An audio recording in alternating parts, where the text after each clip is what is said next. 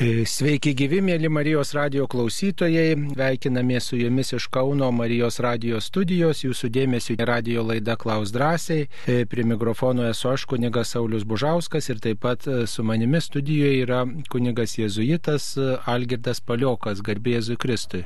Taigi džiaugiamės, tėve, kad atvykote į studiją.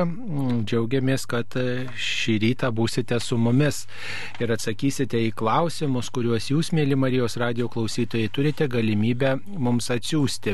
Tai kviečiame siūsti klausimus iš jezuitų dvasingumo, taip pat iš apskritai dvasinio gyvenimo, nes tėvas Algirdas Paliokas yra šeimų palydėtojas ir maldos grupelių vadovas, tai tikrai iš dvasinio gyvenimo pasinaudokim progą, kad galime paklausti ypatingai, kaip pagilinti mūsų dvasinį gyvenimą, kaip mūsų maldą patobulinti, kaip mums būti uolesniais tikinčiai žmonėmis, nes e, taip, svarbu, taip svarbu mums ugdyti tikėjimą ir, ir, ir gilinti ir tokių subtilių niuansų e, pabandyti atpažinti ir, ir galbūt teirautis pagalbos, kaip kilti iš visokiausių mūsų įdų ir trūkumų.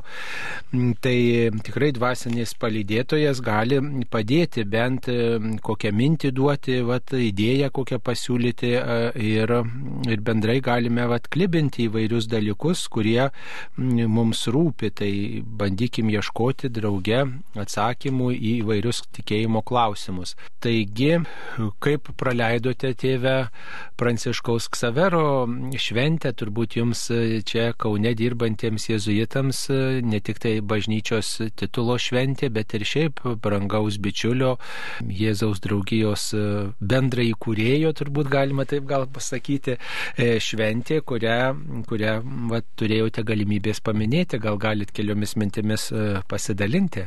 No, visų pirma, šventasis Pranciškus Ksaveras ne tik tai Švento Ignaco bendražygis, bet ir skaitomas dėl savo misijinių kelionių ir misijinės veiklos, jisai buvo kažkiek panašus į šventąją paštalą Paulių, dėl to, kad abu du buvo tokie keliautojai ir, ir tokie dalykai buvo nuveikti, kaip anais laikais tiesiog e, sunku buvo patekti į Japoniją. Ir, o Kinija norėjo patekti, bet dėja nepavyko. Ir Indijoje jis apaštalavo daug. Na, o mūsų bažnyčios titulas, kadangi yra Švento Pranciškaus Ksavero, tai mes šventėme atlaidus ir labai gražu tai, kad žmonių vis tik prisirinko. Tai paprasta diena, buvo šeštadienis, 10 valanda ir prisirinko gana nemažai. Na ir kaip dera, e, tiesa, nu, jezuito, kas galėjo, tie irgi atvyko iš kitų miestų ir kaip dera po kad, e, po mišių buvo agapė, kadangi tai yra kažkaip atlaidų tarsi sudėtinė dalis. Ir mes ten galėjome pabendrauti ir žmonėms buvo labai gerai, kadangi jie galėjo prieiti prie jesuitų nu, tokiais galbūt ne, vis, ne pačiais svarbiausiais gyvenimo klausimais, bet vis tiek, kurie neduoda ramybės ir galėjo prieiti prie to jėzuito, prie kurio norėjo. Tai čia buvo žmonėms ta suteikta galimybė. O tai tiek. Tai tikrai džiugu, kad buvo galimybė bendrauti ir švesti tokio iškilaus šventojo dieną. Tikriausiai mes truputį esam pamiršę Pranciškų Ksaverą ir ypatingai jo tokie paštalinį uolumą, vat, kad jam rūpėjo rūpėjo kitų kraštų žmonės. Tai tikrai vis kiekvienais metais kunigai vienuoliai skaito brevijorių, aušrinę maldą ir ten viename iš skaitinių, kaip tik tai jo yra toks vienas toks pasakymas, tokia mintis, toks sakinys, kad sako, Reikėtų eiti per visas tas akademijas ir šaukte šaukti, kad va, žiūrėkit, kiek žmonių neatskiria kairės nuo dešinės, kaip, reiškia, nemoka elementarių dalykų, nors norėtų tikėti, norėtų melstis, bet jie nemoka, nėra kas pamokintų, o jūs savo savo sėdit ir nesistengėt jų turėti tuo paštolinio uolumo ir, ir, ir mokyti tikėjimo kitus. Tai tikrai, va, kaip rūpėjo žmogui, kad va, kiti atrastų Dievą tolimuose kraštuose esantis. Tai e, ir mums turbūt daugeliui turėtų rūpėti tas apaštalinis e, užsidėgymas ir kitų žmonių, na, išgelbėjimas, kad mums būtų ne vis tiek, kaip gyvena kiti žmonės, jeigu jie nuodėmę pasirinkę, kad mes norėtume jų atsivertimo ir jeigu matom, kad kitas žmogus nepažįsta Dievo, nors ir gyvena, sakykime, galbūt padorų gyvenimą, tai vis tiek mums turėtų rūpėti, kad tas žmogus atrastų Dievą, atrastų tikėjimą. Taigi, dar e, jau turime keletą žinučių. Štai viena tokia žinutė. Evangelijose rašoma, kad moterys atėjo prie kapo neždamosi tepalus, bet nerado Jėzaus kūno. Turint omenyje karštą Izraelio klimatą, trečią dieną niekas į kapus neįdavo tepti tepalais mirusiųjų, todėl užritindavo akmenimis. Tai prieštarauja žydų tradicijoms. Prašome paaiškinti šitą nesusipratimą. Tai e, reiktų pasakyti tokį dalyką, kad Jėzus, kaip pagal tradiciją, e, prisimenamas ir pagerbiamas jo mirtis penktadienį. Ne? Po penktadienio eina šabas, nieko negalima daryti. Jau apie jokį lietimą mirusiųjų negali būti nei kalbos. Ir būdavo baisus nusikaltimas, jeigu tu šeštadienį padarai kažką tai daugiau nei leidžiama. Taip, tai, tai reiškia ir darbas yra tepti mirusįjį, ir lietimas prie mirusiųjų pagal žydų tradicijas nešvaru ir tada susitepa žmogus ir ypatingai šabo dieną ta, ta jau didelis nusikaltimas. Tai jie, jos eidavo jos ėjo po, dieną po šabo, kada tik buvo galima. Va. Ir skaitome, skaitome va, pavyzdžiui, Evangelijoje pagal Luką 24 skyriuje, Pirmąją savaitės dieną rytui brėkštant moterys atėjo prie kapo neždamosi paruoštus tepalus. Tai reiškia, kad kai tik tai galėjo pagal žydų tradicijas nelaužyti to šabo įstatymo, jos skubėjo prie kapo, o pirmoji diena po šabo ir yra sekmadienis, tai tik tai tada ir galėjo patepti. O kad kad e, gal galėjo kūnas gesti, tai matot, moteris be galo brangino Jėzų, be galo brangino ir, ir tas turbūt nesutrukdė, nesutrukdė joms ateiti prie kapo, nors aišku mes apie lozorių skaitome, kaip lozorius buvo prikeltas iš numirusių, tai ta pastaba, va, kaip ir jūs e, čia klausime, įvardinote tikrai, nu, tokia E, rimta, kad tikrai karštas klimatas ir kūnas jau pradėjęs gesti buvo, bet prikėlė viešpats net ir tą lozorių, kurio kūnas jau atrodo pradėjo gesti. Ir, ir moterys jau suprato, kad jau žmogus, na, vat, mirties tikrai pažeistas smarkiai. O Jėzaus atveju tai tiesiog nepaisė tos moteris, kad galbūt jau kūnas bus pradėjęs gesti, bet iš pagarbos, iš meilės, iš tokios ištikimybės skubėjo prie kapo. Va. Bet antra vertus, tai tik tai pusantros paros Jėzus gulėjo kape, tai ne Lozorius, kuris buvo išgulėjęs ant kokias gal keturias ar penkias paras. Nu tai kaip čia skaičiuosim, žinot, tą, bet mes, reiškia, vis tiek penktadienis jau viena diena, šeštadienis ir... Nu, penktadienį nuo trečios bet, valandos. Taip, bet vis tiek jau ta diena kaip ir skaičiuojama, kad trečią dieną prisikėlė iš numirusių, išpažįstam tikėjime. Tai, tai čia jau tiesiog įvardinama ta diena, bet, bet, žodžiu, įvertinkite, kad anksčiau moteris tiesiog pagal žydų tradicijas negalėjo tą padaryti, patepti, o kadangi Jėzų mylėjo, tai tik tai kada galėjo, girdėjo ir tada ir atskubėjo. Tai taip trumpai atsakytume. E, dar viena žinutė, ką daryti, kai silpsta tikėjimas, nors atrodo, nors ir meldiesi. Va.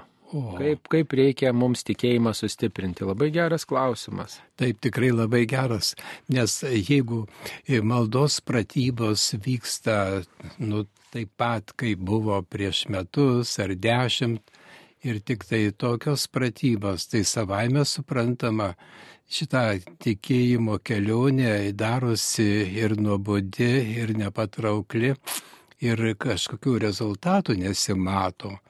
Taigi reikia tada kreipti visą dėmesį į maldą. Reiškia maldos tas būdas, yra ne visai toks, kokio reikia sielai. Sielai reikia vis daugiau ir daugiau artumo. reiškia, kaip ten bebūtų, mūsų tasai tikėjimo santykis su Dievu, jis negali išlikti toks pat. Ir Dievas nori mūsų didesnio, stipresnio, intimesnio santykio. Ir pačiam žmogui reikia, mes kai ruošiamės amžinybei, ruošiamės tam susijungimui su Dievu. Ir dabar mūsų žemėje jau yra reikalingas tasai santykio stiprinimas, tai bendravimas e, turi aukti ir čia jau reikia e, asmeniško santykio. Ir va todėl viena iš tokių priemonių, kaip yra tylioji adoracija, tai duoda šitą galimybę Dievui prabilti žmogų.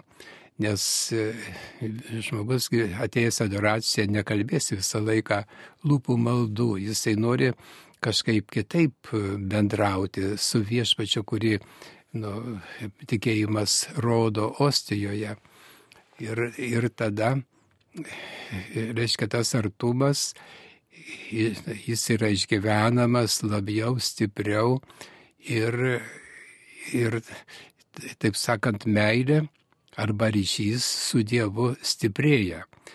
Ir va, e, tas toksai, sakytume, liktai drungnumas maldoj, toksai savotiškas apsnudimas tarsi be žmogaus kalties, jisai gaunasi todėl, kad Dievas šaukia į artimesnį bendravimą ir kažką reikia keisti, būtinai reikia keisti. Ir tam mm, pakeitimui tarnauja, žinoma, įvairios priemonės.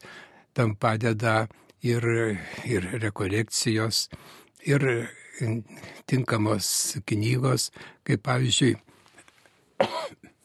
yra išleista Insinų Jėzų, latiniškai vadinasi. Prie Jėzaus krūtinės, lietuviškai maždaug. Mm -hmm, taip.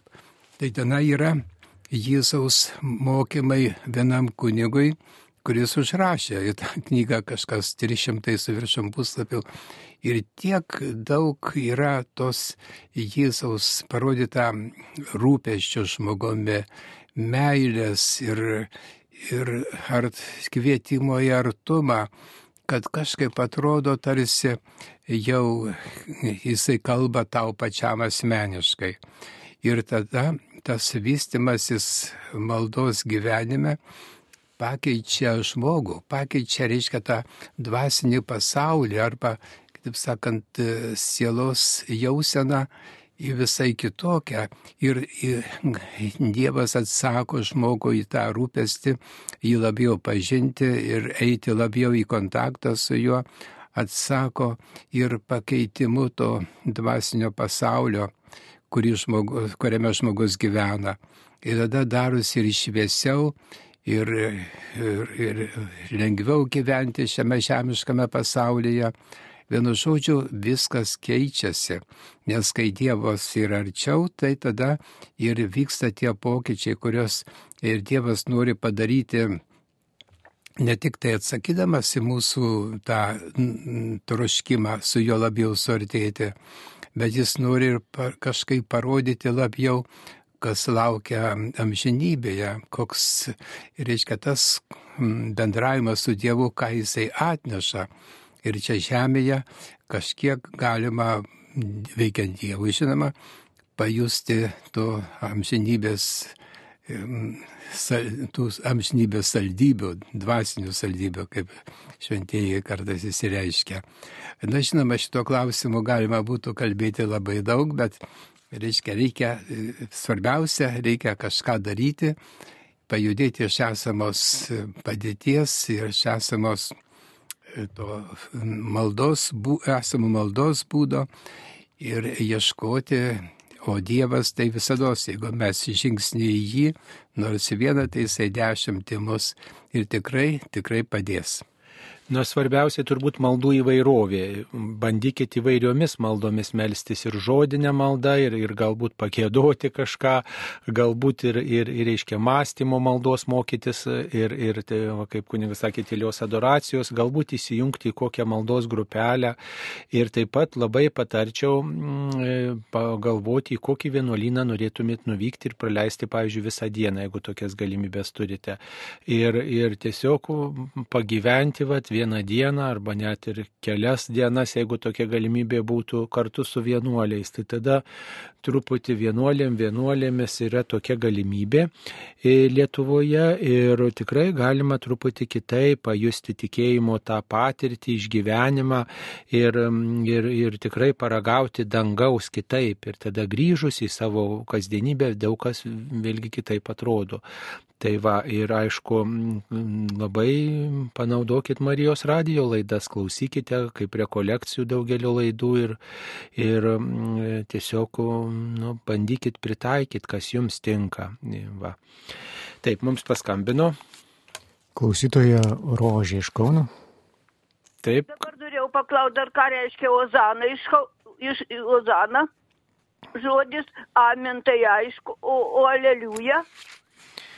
Taip, labai dažnai liturgijoje, ačiū Jums už klausimą, labai dažnai liturgijoje vartojami žodžiai, e, kurie tokie talpus ir kurie, reiškia, e, žydams buvo svarbus ir kuriuos krikščionys perėmė kaip tokius labai reikšmingus, tokius žodžius, kurie trumpai drūtai, bet išreiškia labai tokią gilę patirtį. Tai amen reiškia taip, tikiu, pritariu, tebūnie, te išsipildo tai, e, tai, kas čia pasakyta. Va, dėl to po maldos mes pasakom amen. Tai reiškia pritarėm tiem žodžiams, kurie ką tik nuskambėjo, pritarėm, priimam, už juos apsisprendžiam. Žodis aleliuja reiškia šlovinkime Dievą, šlovinkime Jahvę, šlovinkime vieną viešpatį kuriam vien garbė. Na va, o osana žodis taip pat iš švento rašto paimtas, kaip ir visi šitie anksčiau minėti.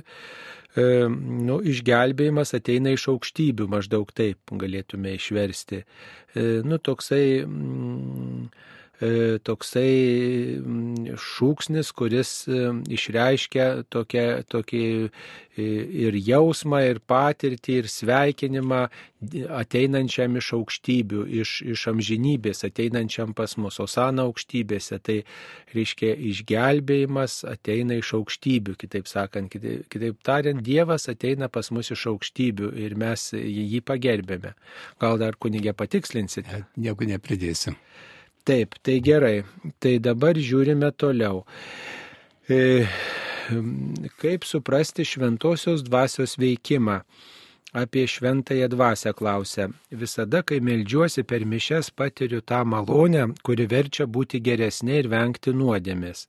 Kas kart patirdami tą malonę mes atsiverčiame. Bet mano gyvenime prieš 32 metus palėtė šventosios dvasios veikimas, kurio aš niekaip negaliu paaiškinti ir niekam šito nepasakojau, nes būtų nusiuntę mane į psichiatrinę. E, atrodė, kad tikrai skrendu į dangų ir taip toliau. Tai yra nepaaiškinama, bet tai įvyko po didelio mano šeimos sukrėtimo. Tik nuo tada aš kasdien pradėjau melstis, aišku, niekam nematant, nors tradiciškai tikėjau, nes mano mama šito mane išmokė ir jau anksčiau.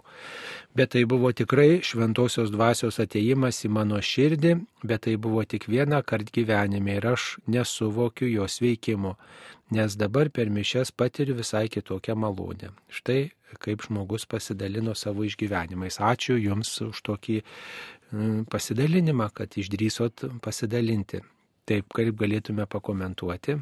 Tai visų pirma, toji šventosios dvasios malonė, kuri buvo kadai suteikta, tai yra malonė, reiškia nenupelnyta, žmogaus nenupelnyta Dievo dovana.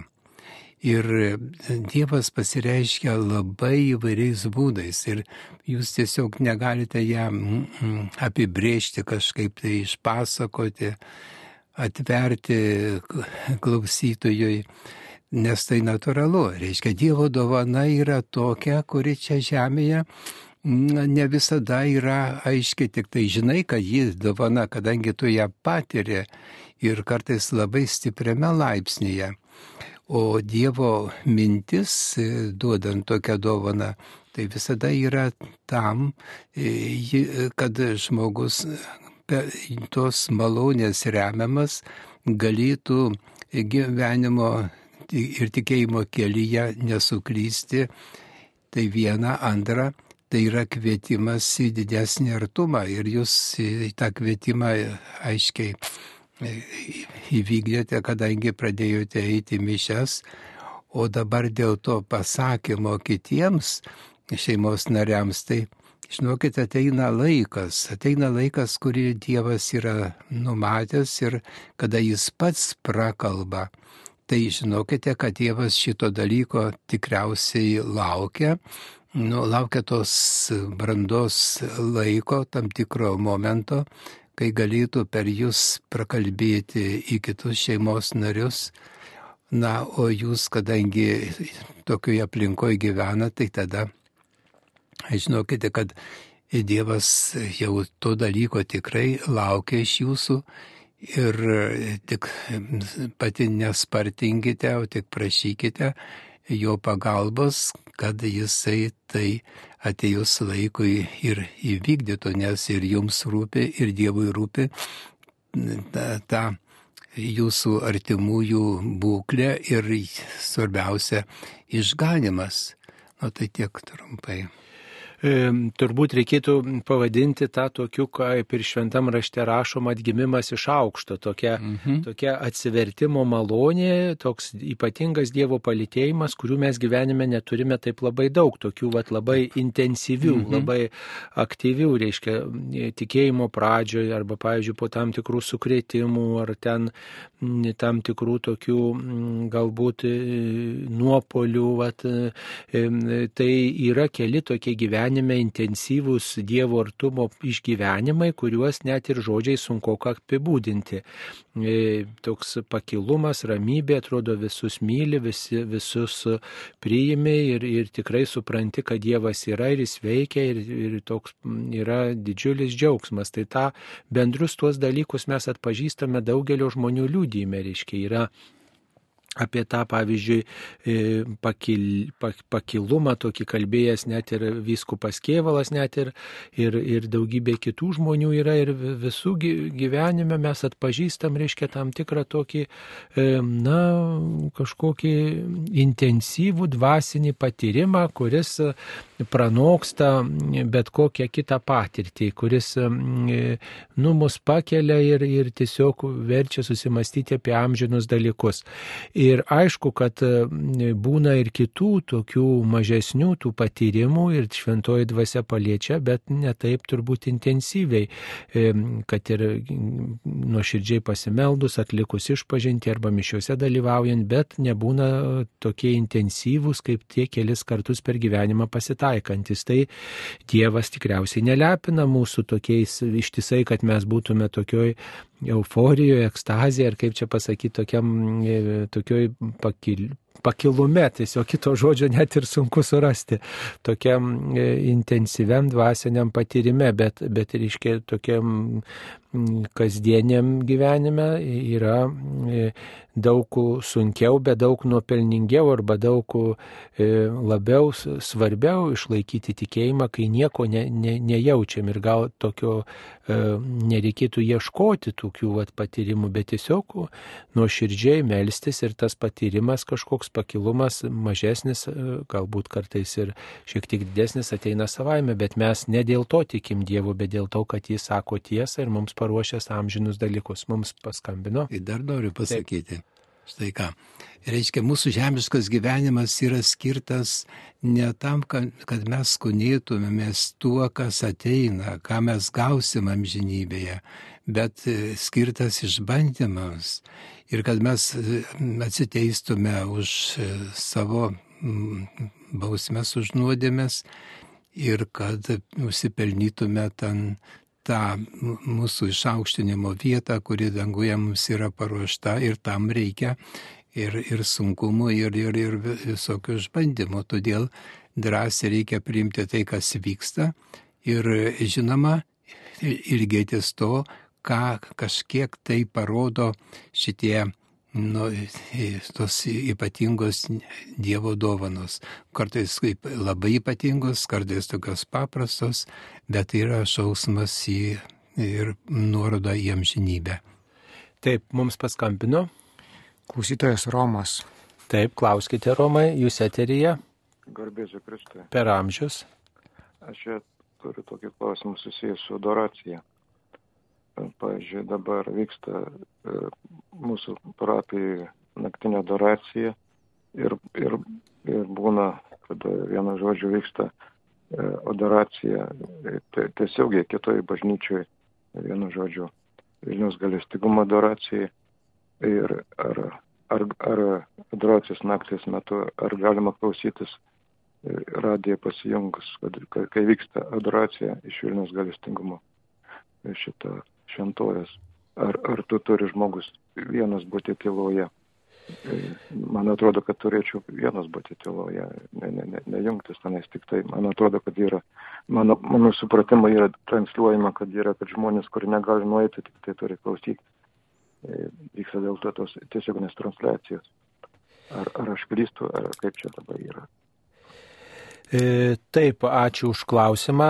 E, taip, tradiciškai adoracija bažnyčios mokime, bažnyčios liturgijoje yra tylos malda, kuri pakurstoma keliomis gesmėmis, keliomis gal mintimis iš švento rašto, trumpais mąstymais, vat, kad mūsų mintis e, būtų pasotintos tokia, na, Dievo žodžiu, Dievo žodžio apmąstymu, tokia patirtimi ir nu, tokia kryptis būtų parodyta mūsų protui, kad mes vat, tos gesmės nuotaikoj pasiliktume e, to švento rašto, to mąstymo, e, tokiom kontekste būtume, o ne tai, kad galvotume apie savo kažkokius reikalus privačius ir tai tikrai mūsų protui tokia pagalba.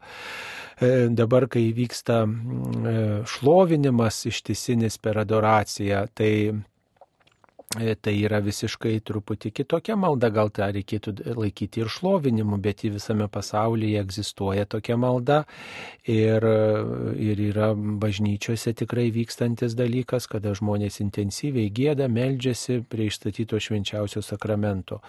Dabar jeigu tai transliuojama per radiją, tai skirta pirmiausiai tiems žmonėms, kurie, kurie nu, negali nuvykti, kurie e, yra pavargę, kurie serga, kurie vieniši yra ir jie, pavyzdžiui, va, visą naktį vyksta malda, o jie, va, sakykime, valandą laiko gali pabūti toj maldos nuotaikoje. Tiesiog tokiu būdu, e, kad ir jisai gali ir galėtų nu, nu, nuvažiuoti, bet, pavyzdžiui, yra pavargęs po darbo dienos, jam reikia įsimiegoti, bet, nu, va, ar nubudo, pavyzdžiui, arba dar truputį neina miegoti, tai klausosi radio ir tokiu būdu klausosi maldos ir, ir galbūt irgi jo širdis, jo, jo, jo, jo dvasia vakyla į viešpati tokiu būdu ir jisai e, dvasiškai vienijasi su tai žmonėm, kurie ten meldžiasi. Tai yra toks būdas pristatomas vat, žmonėms, kad jie įsijungtų į tą bendrą maldą. Tai yra proga tokia, aišku, gyvai dalyvauti adoracijoje yra, yra visa, visada geriau turbūt negu kad vien tik klausytis per radiją. Ne? Tai tas gyvas dalyvavimas, asmeniškas dalyvavimas yra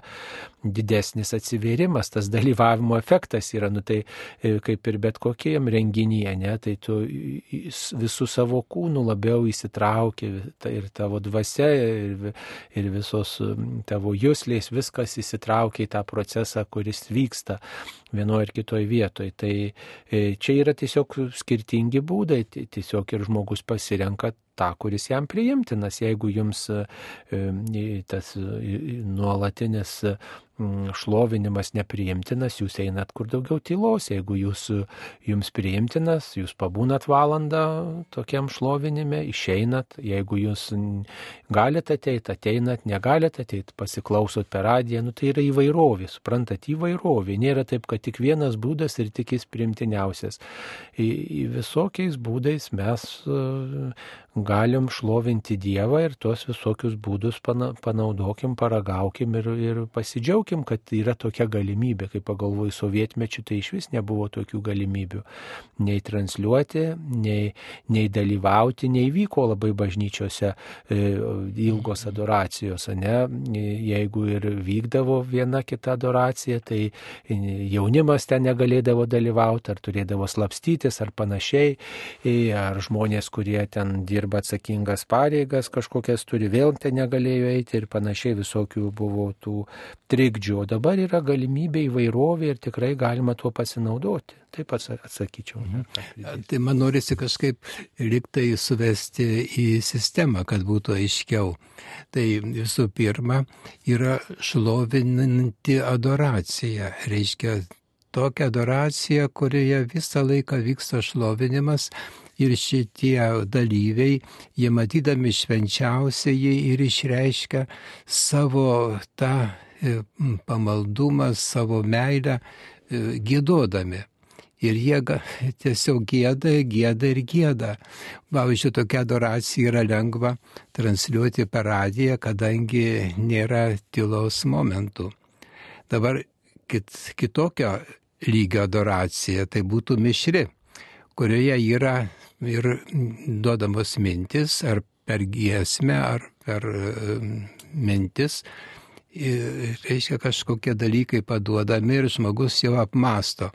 Tai dabar jūs įsivaizduokite, kas būtų, jeigu tokia, kur daug duodama laiko apmastymui, jeigu tai būtų transliuojama per radiją. Sakysim, kelios minutės paskaito kokias gilias mintis ir paskui dešimt minučių tylos. Nu, per radiją tai neįmanoma pagal mane transliuoti, kadangi, nu tai kaip, kaip radijas gali tylėti. Reiškia, radijas yra kalbėjimo priemonė. Tai čia irgi yra toksai dalykas, kuris nu, neleidžia per radiją transliuoti tokio nu, idealesnės, stipresnės adoracijos, kur būtų tų minučių tylos maldai. Na, o trečio lygio adoracija tai būtų tylos adoracija, bet ji yra įmanoma tik tai asmeniškai, e, kuri statytas švenčiausias. Ir tada, reiškia, ne tik tai viešpati garbinti savais žodžiais, bet ir klausyti, ką viešpats nori pasakyti. Nes kai žmogus yra arti, tokiu būdu, e, kaip reiškia, arti viešpats yra ir jam yra lengviau tada atsiverti, lengviau būti pasiruošus išgirsti, ką viešpats nori kalbėti. Tai, tai šitaip yra jau būtų tokia idealiausia adoracija. Tam bet, žinot, žmogus pasirenka, kaip jam yra geriau, nes adoracija tai yra vis tiek, jos tikslas yra, kad kaip nors įeiti į asmenišką santykį su Dievu. Labiau negu asmen, toj paprastoj lūpų maldoj, negu kasdienybei, tai yra kažkokia tokia ypatinga priemonė. Tai va, taip žinodami ir tinkamai naudokitės. Taip, mums paskambino. Ana iš Šiaulių. Taip. Gerbėsiu Kristai. Aš girdėjau per Marijos radiją dvi laidas, kurios man truputį sukėlė minčių ir aš norėčiau šiek tiek paaiškinimo. Gruodžio 6 dieną, 18 val. buvo laida šeimos žydinys. Tenai kalbėjo žmonės, kurie rekomendavo pagal tą savo vadą, kuris jau senai miręs, yra melstis kiekvieną dieną be žodžių, tyloje, labai susikaupus, neištariant į vienu žodžiu, stengiantis išgirsti Dievo balsą savyje. Nu tai juk elementari meditacija. Ir jeigu žmogus negavęs šventosios dvasios, tai jis pagal kuniga Balkauską jis gali išgirsti visai ne Dievo balsą savyje, nuklysti kitur išgirsti kitą balsą. Dabar antra laida gruodžio 8 dieną ar 19 ar 20 val. neatsimenu, Tėvo žydas kalbėjo prie priėmęs krikščionybės, ten tikrai Dievo jau paliestas stipriai žmogus, akimirksniu atsivertė nuo visų nepriklausomybių. ir labai garbina Jėzų Kristų, vadovauja maldos grupiai ir vadovauja šlovinimo grupiai. Viskas būtų gerai. Bet kaip mes krikščionys gyvenam šeštadienį, tvarkom kambarius, prausėmės, ruošiamės ir sekmadienį pagarbiai į bažnyčią, klausomės mišių ir priimam švenčiausiai, o jis šabas do šabas, šabas ir šabas. Aš kaip suprantau, supratau, jis lyg tai krikščionybę priėmė, bet vis tiek ga, garbina šabą, o sekmadienį ką daro, malkas kaldo nu vienu žodžiu kaip čia su tais aš anksčiau taip va, tokius žmonės laikydavau, kaip Dievas sako, nebūk drunkdas, nes aš tave spjausiu. Nu tokiais nei krikščionys, nei tokie pritempia arba svetimą kultūrą krikščionybės, arba dar savosios neatsisakę kaip čia taip bet žmonės kaip ir ypatingai tas žydas tai kaip ir su šventąja dvasia puikiai bendradarbiauja. Ko prašo to gauna. Nu man taip ne visada pavyksta o va jam pavyksta taip pusiau žydui pusiau krikščioniui. Taip. norėčiau e, komentaro ačiū labai. ačiū ačiū mieloji kad jūs klausotės Marijos radijo ir kad jūs reaguojate į Marijos radijo laidas. Tai šeimo žydinį buvo pristatyta vidinė malda tylos malda. Čia tėvas Kafareli toksai prancūzas yra, e, e, kuris nu, pradėjo Dievo motinos, Dievo motinos komandų tokį judėjimą. Ir jis, reiškia, šeimų pastoracijos, tai yra sritis ir, ir reiškia, šeimoms, šeimų nariams, vyrui ir žmonai patarė praktikuoti vidinę maldą, tylos maldą. Tai Matot, kai žmogus eina tikėjimo keliu, kai jisai e, eina iš pažinties, kai vengia nuodėmės, tai e, jis e, tikrai skirdamas laiko Dievui, jisai turi galimybę vis dėlto Dievui atsiverti ir, ir Dievo dvasios klausytis, bet ne piktosios dvasios. Aišku, yra tas pavojus, kad ir piktoji dvasia gali kalbėti ir taip pat mano mintis gali ateiti, bet jeigu žmogus stoja Dievo akivaizdon, jeigu jisai vat, pradeda su malda, su kryžiaus ženklu, yra šventas raštas atverstas, viską tai yra didelė tikimybė, kad jisai reiškia tikrai Dievui atsivers. Ir be to yra kokie vaisiai tokios maldos, yra ta vadinama dvasių skirimo dovana, kurią minimaliai turbūt kiekvienas krikščionis eidamas tikėjimo keliu jisai turi. E, nu, sąžinė, sąžinė primena, ramybę patiria, patiria paguodą, patiria tokį džiaugsmą ir, ir iš to gali spręsti minimaliai, ne, gali spręsti, kokia dvasia jam čia kalbėjo. Ne? Ir, ir tikrai žmogus, kuris praktikuotų vidinę maldą, tą tikrai atrastų, kad, reiškia, nu, vat, sugebėtų atskirti, kad, vat, nu, nesisekė vidinė malda, nes, reiškia, tik galvoju apie reikalus, kažkas mano kilo arba kažkokie įkyri mintis. Baudėvas niekada įkyriai nekalba, jis labai švelniai, labai subtiliai, labai palaikančiai tokia, tokiu, tokiu gerumu, tokiu ramybė jisai prakalba ir, ir taip labai, labai, jeigu ir kviečia, kažkur, primena kažką, tai labai švelniai, labai labai taip atsargiai, labai diskretiškai. O jeigu piktojo mintis, tai jinai tiek įkyri, tiek supranti užvaldo, kad tu ko įmiesi vis ta mintis ateinant. Ir tiesiog tave remia prie sienos. Nu, va, tai, tai žinot, žmogus jau praktikos pradėdamas, jisai, jisai ir išmoksta tos maldos. Žinot, kito varianto nėra. Jeigu čia mes lauksim Dievo dvasios apšvietimo, lauksim, kad čia Dievo dvasia nužengtų ir kad čia mes jau angelais virstume, ir tikrai galėtume jau labai tobulai melstis, tai mes niekada nesimelsim. Mes mokykimės, melskimės taip, kaip sugebam ir tada galbūt pavyks, ne? o jeigu ne, lauksim, nesimelsim, tai tikrai nieko nebus.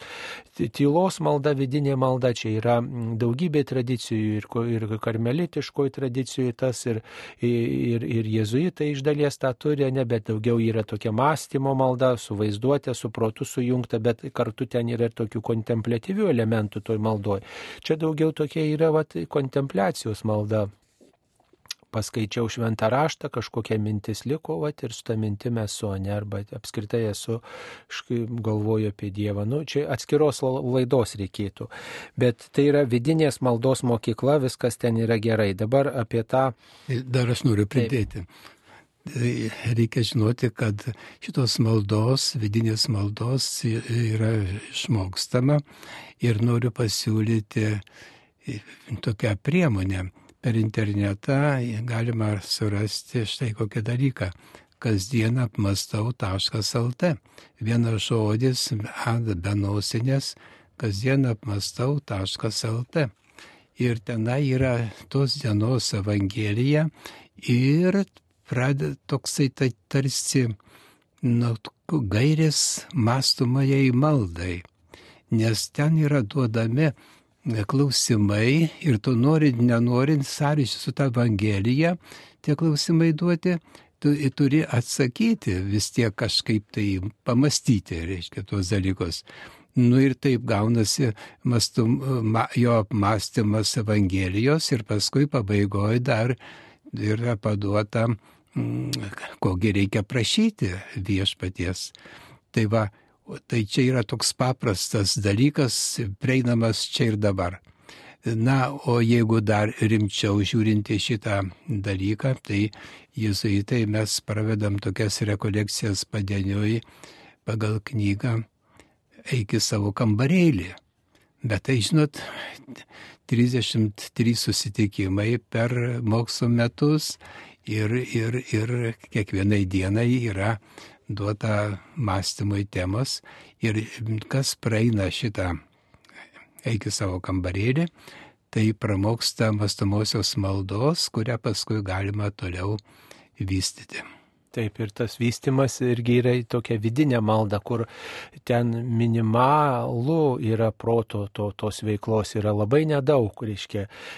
Va, tai čia yra tokios, kaip sakant, skirtingi tie maldos tokie būdai, gal ne yra ta žodinė malda, mastomoji malda, ta kontempliacija, tai ta vidinė malda jau daugiau tokia yra kontempliacija, nu, tas buvimas, įsižiūrėjimas, tas, tas na, meilės patyrimas, išgyvenimas meilės, kad aš stengiuosi džiaugtis Dievo artumu ir taip pat klausau viešpaties, esu tiesiog su juo, ne, ir mes tą adoraciją išgyvenam, bet adoracija, tas vidinės maldos aspektas yra, kada aš nekalbu žodžiais, bet tiesiog esu ir myli mane viešpats arba, pavyzdžiui, e, sakykime, kryžių žmogus žiūri šventą raštą ir panašiai.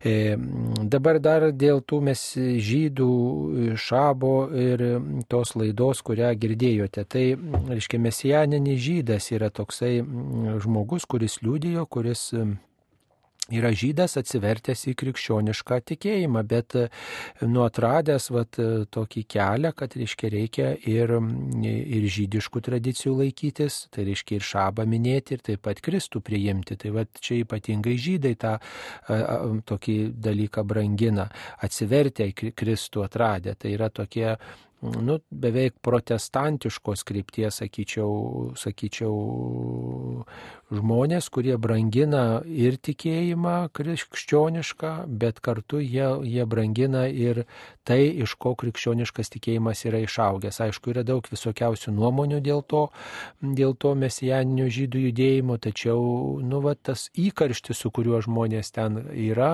mums taip pat gali duoti tam tikrų vaisių, reiškia, mus paprovokuoti gali, ne, jeigu va taip kalba žmogus, tai galbūt ir mums verta pasidomėti, ne, tradicijom, kurio, kurios išaugino Kristų, ant kurių išaugo krikščionybė ir taip pat jeigu brangina Kristų, brangina Dievą, tai galbūt ir mes galim kažkaip atrasti labiau viešpati. Tai nereiškia, kad mes tokie tapsime senių žydų judėjimas daugiau skirtas, na, va, žydams taip tiesiogiai, ne, bet jisai kažkokiu būdu veikia ir mus. Aišku, yra įvairių čia nuomonių, reikėtų čia atskirai aptarti, tačiau E, tai yra žydas prieėmęs krikščionišką tikėjimą, bet jis vat, nu, neatmetęs žydiškų tradicijų. Ir yra tas toks judėjimas pasaulyje yra ir jisai Lietuvoje taip pat turi savo, taip sakant, nišą, savo pasiekėjų turi, vat, ypatingai tų, kurie gal nutolę nuo tikėjimo arba kurie turi žydiškų šaknų ir panašiai.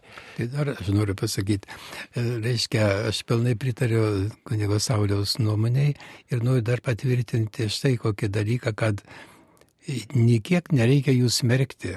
Nesvarbu, kad jie kitaip žiūri nu, visą eilę dalykų ir jiems yra šventa šabo e, diena ir, ir tie visi papročiai juk pagal juos tai ir Kalėdų šventė turi būti ne, ne tada, kada mes švenčiam ir Velykos, ir daug dar kitokių dalykų pas juos yra kitaip.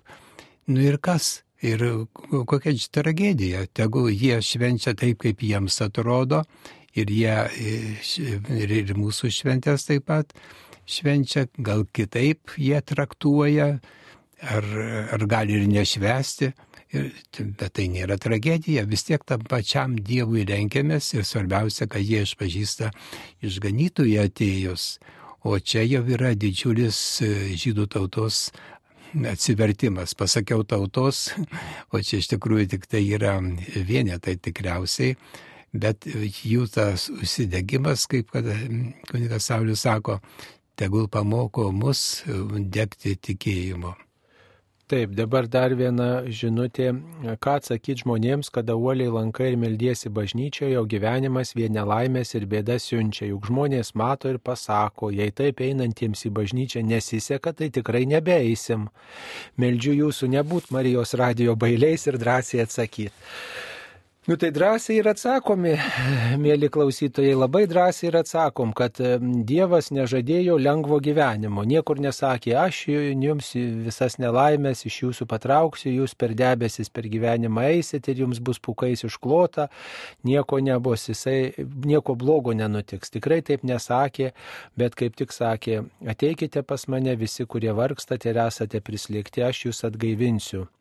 Tai Dievas įprasmina mūsų nelaimės, bėdas ir, ir sunkumus įprasmina, ne, ir reikia kartu su juo juose būti tose nelaimėse ir, ir suprasti, kad dar ne viskas. Nu, vienu gyvenimo etapu būna tų nelaimių, bet kitas gyvenimo etapas būna šviesesnis, o tas, kas, reiškia, jau galvoja, kad neįs į bažnyčią ir jam viskas seksis, labai tegul susimasto, nes vieną dieną, žiūrėk, viskas sugrius.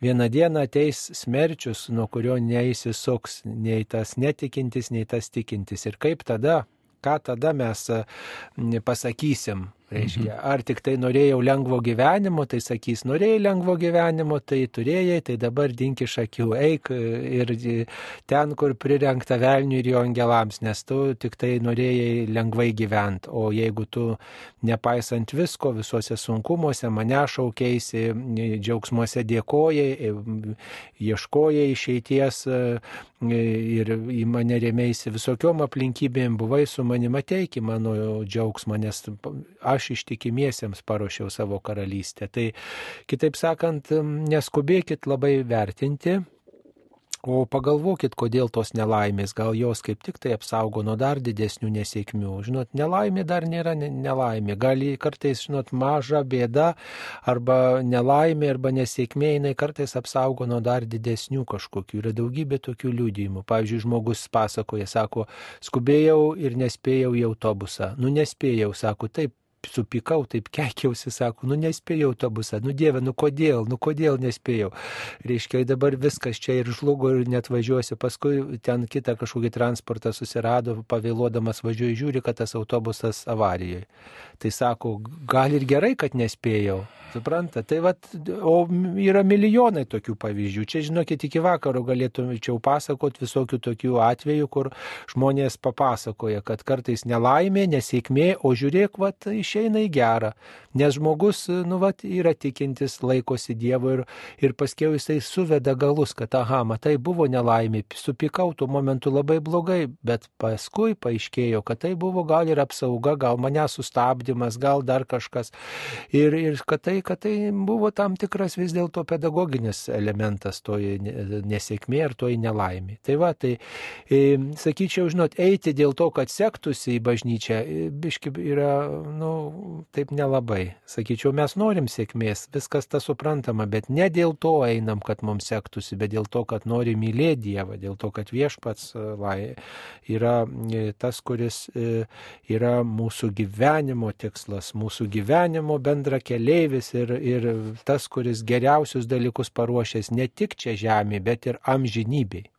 Tai dar aš noriu pridėti, žinot, iš vienos pusės žiūrint, tai va tie dalykai labai svarbus, bet dar einant truputį giliau, tai žinokit, kad įėjimas į bažnyčią tai dar netiek ne daug reiškia. O svarbiausias dalykas, kas turi vykti žmogaus gyvenime, tai yra keitimasis arba, kaip mes sakome, tobulėjimas. nes žmogui priklauso keistis ir tobulėti, kad mes galėtume patekti be kliučių į dangaus karalystę. Ir čia tam keitimuisi tai ir turi būti skirtas mūsų ir darb, vidinis darbas, vidinė veikla su savimi. Ir noriu tuo pačiu pasakyti, kad tą, tam dalykui gali padėti ir mano knyga Artumo patirtis, kurią aš leidau praeitais metais. Ir tenais parodoma, kokie dalykai yra padar, viešpaties padaromi, paprasčiausiai, va, einant e, tas rekolekcijas, eik į savo kambarėlį, kaip žmonės keičiasi, kaip žmonės pradeda suprasti e, kančios prasme, kaip įsisavina tiesiog. Tai ir, reiškia, yra rekolekcijos tam ir skirtos, kad žmogus pasikeistų, kiek jau yra įmanoma kokios jų yra dvasinės jėgos. Ir tiesiog matau žmonių evoliuciją, dvasinę evoliuciją, kaip per devynis mėnesius, kaip jis tampa visai kitokiu žmogumi ir kaip džiaugiasi, sako, kaip dabar aš išmokau paniekinimus, pažeminimus priimti, kaip manęs nelaimės neišmuša iš pusiausvėros. Kristui. Taip, e, dar čia e, vienas klausytojas klausia, o kur yra, kur yra tos vadinamos e, pratybos eiti į savo kambarėlį, gal kada ir kur galėčiau vykti, bet nežinau kur. Tai paprastai yra ten, kur jėzuitai yra, o jėzuitai trijose miestuose gyvena, tai Vilniuje, Kaune ir Šiauliuose. Taip, tai Kaune Pranciškaus Ksavero bažnyčioje, kuri yra prie Rotušės. Taip. E, kunigas Algirdas Paliokas parengęs knygelę gegužinėms pamaldoms daug metų ją su džiaugsmu vartoju, ten yra cituojamos kiekvienai gegužės dienai skirtos puikios mintis. Ar neplanuojama, ką nors panašaus birželiui, klausė Eglė. Tad, žinau, dabar su knygomis yra taip, kad jos ne, neperkamos žmonės nelabai nori įsigyti. Nu, tai žinoma, čia pirkimas, tai čia man e, iš, iš tikrųjų nesvarbu. Bet kažkaip kiti darbai, kiti reikalai, kitos apaštalavimus rytis yra tiek užėmę mano laiką, kad ir apie birželį nepagalvojau. Taip, ta knygutė ten įžymių žmonių mintis e, yra surinktos, ten labai gera apie birželį, va taip klaustukas toksai yra ir tiek. Tai čia jums idėja tiesiog. Tai man idėja, ačiū. Taip, galbūt jūs ateityje parengsite. Ar kalbiškai teisingai vartojamas e, pavadinimas, kur šarvojama žmogus laidojimo namai? Aš manau, kad tai netikslus pavadinimas. Nu taip, tai netikslus pavadinimas, iš tiesų tik rūpinasi tie namai dažniausiai laidojimo apieigomis, reiškia, va, ne tik šarvojimo apieigomis, nu tai ta prasme ta prasme gal ir, gal ir teisinga, nes rūpinasi įvairiomis aplinkybėmis laidotuvių, bet mm, šiaip tai, žinot, šarvojimo salį pasakys, tai gal nelabai skamba laidojimo namai, gal lengviau priimti. Aktyviai dalyvauju parapijos veikloje Euharistijos šventime, bet nėra poreikio jungtis į grupę. Ar tai neigiamas dalykas? Trokštų padėti pasauliečiams. Ačiū. Hmm. Na, va, nenori grupeliai dalyvauti, tai ką, ar tai blogai? Aišku, nėra blogai. Kiekvienas žmogus eina į Dievą savo keliu ir tik tai svarbiausia, kad e, nu, būtų tas ėjimas, reiškia, tokios pastangos keisti save, nes čia vis, visa ta mūsų religinė aplinka yra tam, kad mes lengviau galėtume save pakeisti, save paruošti amžinybei. Taip, kovo 25 dieną viešpaties apreiškimą švenčiausiai mergeliai Marijai, o gruodžio 8 šventė mergelės Marijos nekaltą prasidėjimą, gruodžio 24 švenčiam Jėzaus gimimą, juk iščio, iščiose motinoje vaisius auga devynis mėnesius. Žodžiu, čia žmogus e, susipainiojo tose šventėse. Tai turbūt taip reikia sakyti, kad e, reikia nuo kovo 25-osios skaičiuoti iki gruodžio 25-osios dienos. Gruodžio 24-oji yra išvakarės, tai mes išvakarės švenčiam išvakarėse Kristaus gimimą kūčiose. O gruodžio 25-oji jau ta pati Kristaus gimimo iškilmė. Taigi nuo kovo 25-osios iki gruodžio 25-osios 9 mėnesiai, o gruodžio 8-oji tai jinai yra visiškai kas kita. Tai yra e, tai, kad Marija apsaugota nuo gimtosios nuodėmės. Tai yra nekaltas prasidėjimas, reiškia, kad Marija prasidėjo savo motinos onos iščiose, e, taip sakant, e, biologiniu būdu visiems, taip kaip ir bet kuris žmogus prasideda, bet ji e, jau nuo pat savo prasidėjimo momento e, buvo apsaugota nuo tos pirmosios Adomo ir Jėvos nuodėmės, nuo to neklusnumo, maišto, nuo to sukilimo prieš Dievą, nuo paklusnumo piktajam, reiškia, vad nuo to apsaugota, nes tai nieko bendro neturi, e, kaip sakant, su vyro dalyvavimo, ne nekaltojo prasidėjimo iškilmė, tai reiškia, ta, ta, ta tiesa, ta dogma reiškia, kad Marija apsaugota nuo nuodėmės, nuo gimtosios nuodėmės, nuo puikybės nuodėmės, nuo sukilimo prieš Dievą, reiškia nuo tos nuodėmės ir jos pasiekmių, bet ne, bet ne nuo vyro dalyvavimo. Ne, čia vyras dalyvavo, kaip sakant, Marija turėjo žemišką tėvą ne, ir, ir žinomas jos tėvas yra motina Ona, o tėvas yra Jokimas e, Marijos. Tai ji prasidėjo kaip ir bet kuris kitas žmogus, tačiau jos prasidėjimas turėjo tą ypatingą malonę, kad nelydėjo ta kaltė gimtoji nuodėmė, kuri nuo pirmųjų žmonių ateina, tas maišto nusistatymas, kurį mes visi paveldime iš Adomo ir Jėvos iš pirmųjų žmonių. Taip, dabar padarysim pertrauką. Laukia mano siela viešpatie tavęs gyvybės tavo trokštama, malonės tavo išsilgus.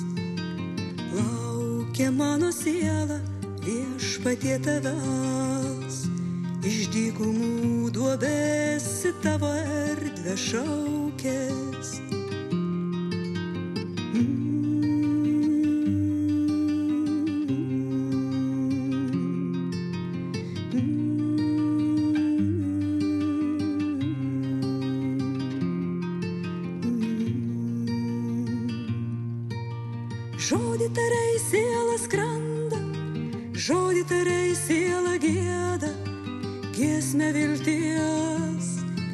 prasme laisvės.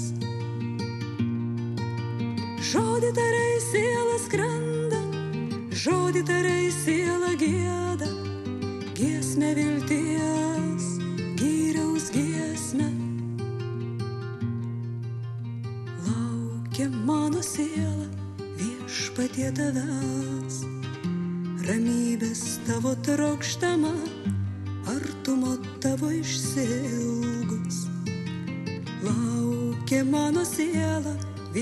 viešpatie tavęs iš gilumos į tavo gelmę šaukės. Mm.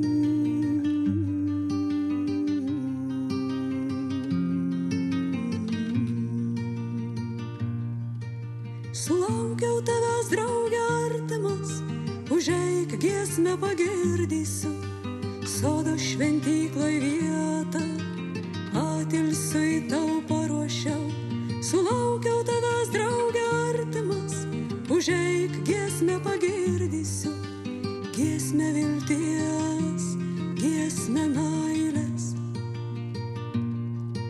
Sulaukiau tavęs draugė artimas, užeik giesmę pagirdysiu, sodo šventyklai vietą.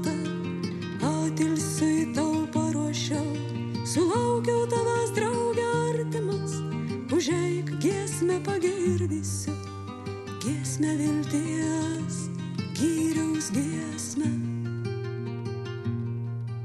Vėl laukia mano siela viešpatie tavęs, šventumo tavo trokštama, teisybės tavo išsilgus. Vėl laukia mano siela viešpatie tavęs, iš gilumos sinau. show.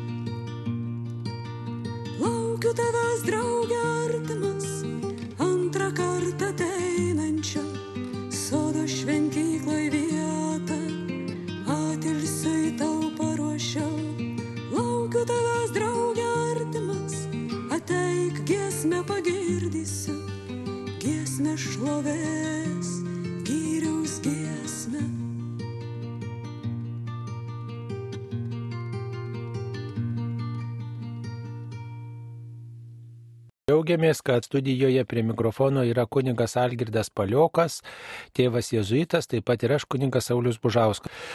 Ir štai yra daugybė žinučių, kurias jūs atsiuntėte.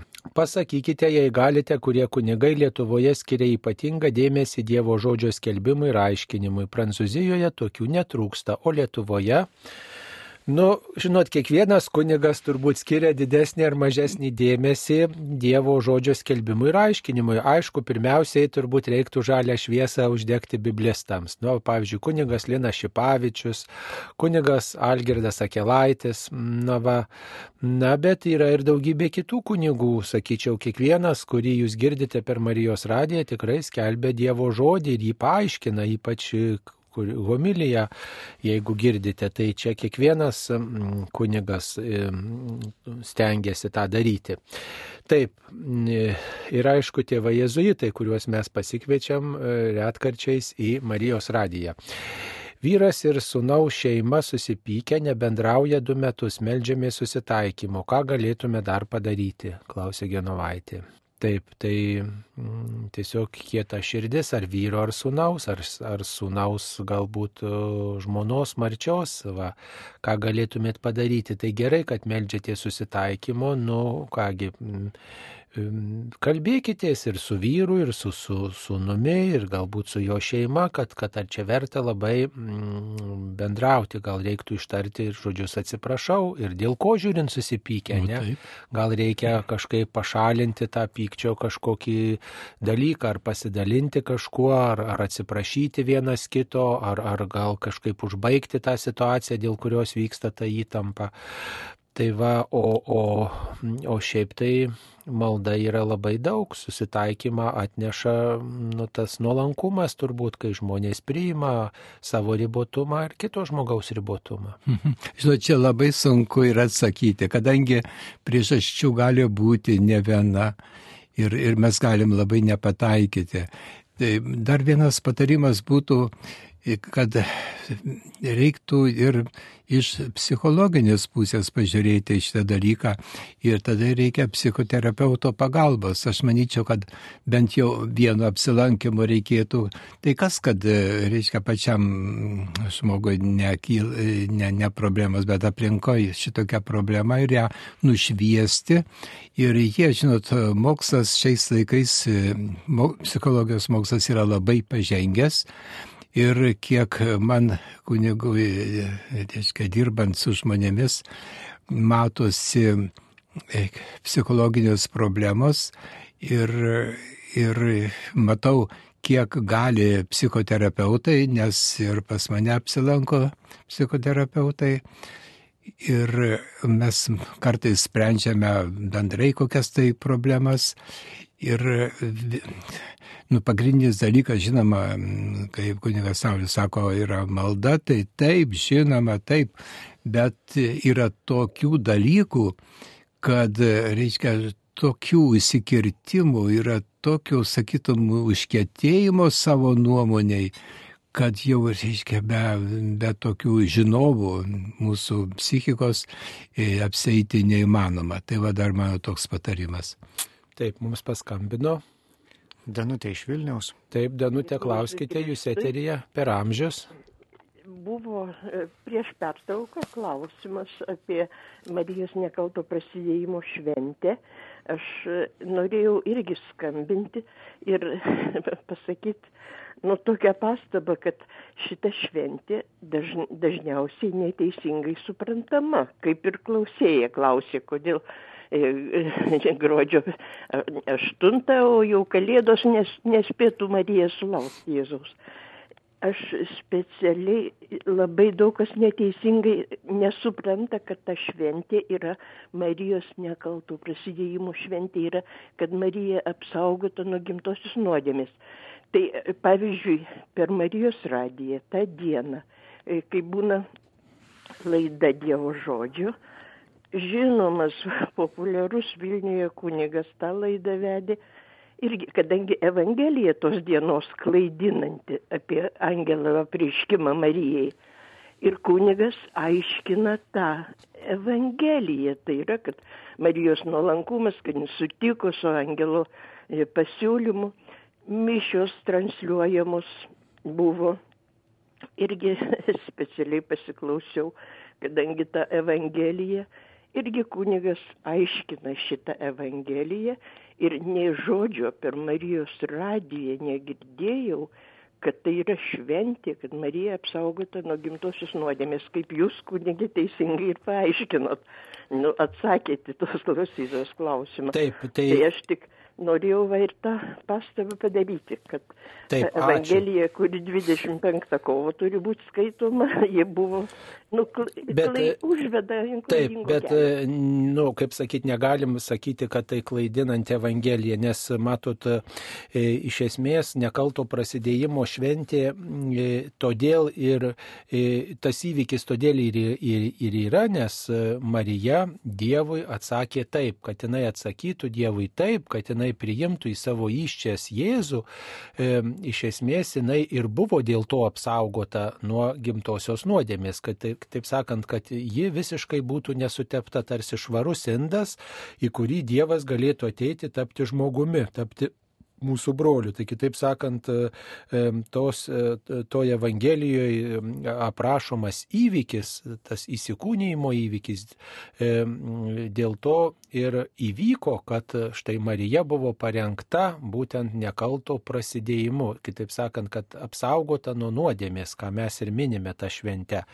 Va, o šiaip tai buvo speciali katekezė 9 val. būtent šiai temai. Tai tikrai e, nebuvo taip, kad ne, nei vieno žodžio šita tema neskambėjo. Tai dar aš noriu pridėti štai ką, kad būtų žmonėms aiškiau. Kadangi Gvadelupės Marija yra pavaizduota neščia, O Gvadelupė, žinot, yra apsireiškimas, rodos 1541 metais prie Meksikos, Meksikoje įvykęs Marijos pasirodymas ir kai staiga atsirado tas paveikslas ant indieno apsiausto. Ir, ir reiškia, tas apsiaustas dabar yra įstatytas ir gerbiamas, mes šitą žinome, tą Godelupės Mariją. Ir tai buvo aštu, ta, reiškia, gruodžio. Tai irgi yra toks įrodymas, kad nu jau ji, yra neščia. Reiškia, šito metu, gruodžio pradžioje, ji neščia. Tai visiškai jokio ryšio nėra su nekalto prasidėjimo švente. Reiškia, tas jos neštumas. Kad čia visai atskiri dalykai. Ir kadangi per vienerius metus mes pereiname visas svarbiausias religinės šventės, nugi nėra kur įdėti čia šitos šventės, tai va bažnyčia kažkuo, kažkuo tai remdamasi į 8 gruodžio įdėjo šitą šventę ir čia maišosi žmonės todėl. Taip, nu tai tiesiog reikia domėtis ir atsisakyti tokių, kaip sakant, tokių, žinot, mūsų stereotipų kartais, kurie vat, trukdo. Iškai nekaltasis prasidėjimas visada siejamas su, su tuo, kad ten vyras nedalyvavo žmonių mintise klaidingai. Lygiai taip pat ir gimtoji nuodėmė, kad, reiškia, maždaug turėjo lytinį aktą be Dievo leidimo, tai už tai ir nusidėjo. Tai net ir, net ir yra toks klausimas, kaip, e, kaip vaikams paaiškinti, kad jie gimsta su gimtaja nuodėme. Tai taip ir paaiškinti, kad kai paveldime e, iš savo tėvų kažką panašumą, nesam panašus į savo tėvus, į savo senelius, kaip iš savo protėvių kažką paveldime, vat, pavyzdžiui, iš giminės kažką, ne, pavyzdžiui, akių spalvą, dar kažką, nosies formą, pavyzdžiui, ne, arba odos spalvą, tai taip ir iš pirmųjų žmonių paveldim va, tokį neklusnumą, tokį norą maištauti, sukilti prieš Dievą tą tokį polinkį į, į puikybę, tą norą netarnauti, nesukilti prieš Dievą ir iš to vienintelis klusnusis Kristus mus išvaduoja. Taip, dar viena žinutė, a, žinutė mums atėjo, mums paskambino, reikia taip sakyti. Taip, klausytoja Janina iš Salako. Taip, klausytoja Janina per amžius. Noriu kunigų paklausę, kaip prieš kalėdas lanko kunigai ir daug kas sako, reikia, kad kaip atvažiuoja kunigas, reikia ant stalo kryžiukas pastatyti. Ar čia būtinai mano yra paveikslų šventų didelių ir mano prie tų paveikslų stovi kryžiukas, aš ant stalo nededu. Ar čia gerai ar ne? Gerai, klausykit, nieko jūs ten nepasakykit, taip mano namuose įprasta, jeigu kunigui nepatiks ar kažkokia pretenzija pasakys kunigėlį, jūs esat mano svečias ir čia prašom sutikti su viskuo, kas yra mano namuose, va ir taip, aš taip gerbiu kryžių, kitur taip gerbiamas, va, ir jūs sakykit, kunigė, svarbiausia yra namuose kryžius, va, ir svarbiausia yra, va, šventas paveikslas ar keli paveikslai, va, ir ačiū, kad aplankėte, va, būkite malonus, atsisėskit ir nu, vat, pakalbėkim apie ką galime. Mm. Tai va, ir nebūtina ant stalo dėti. Nu, tiesiog, žinot, taip įprasta, kad krikščionio namuose yra kryžius. Nu, ir paprastai, nu, vat, stalas tokia bendrystės vieta, nu, tai tradiciškai galima ant stalo pastatyti, bet jeigu yra ant sienos, nu, tai valio, kaip sakant, tai nekeičia esmės turbūt, ne, kad tuose namuose yra kryžius, tai svarbiausia.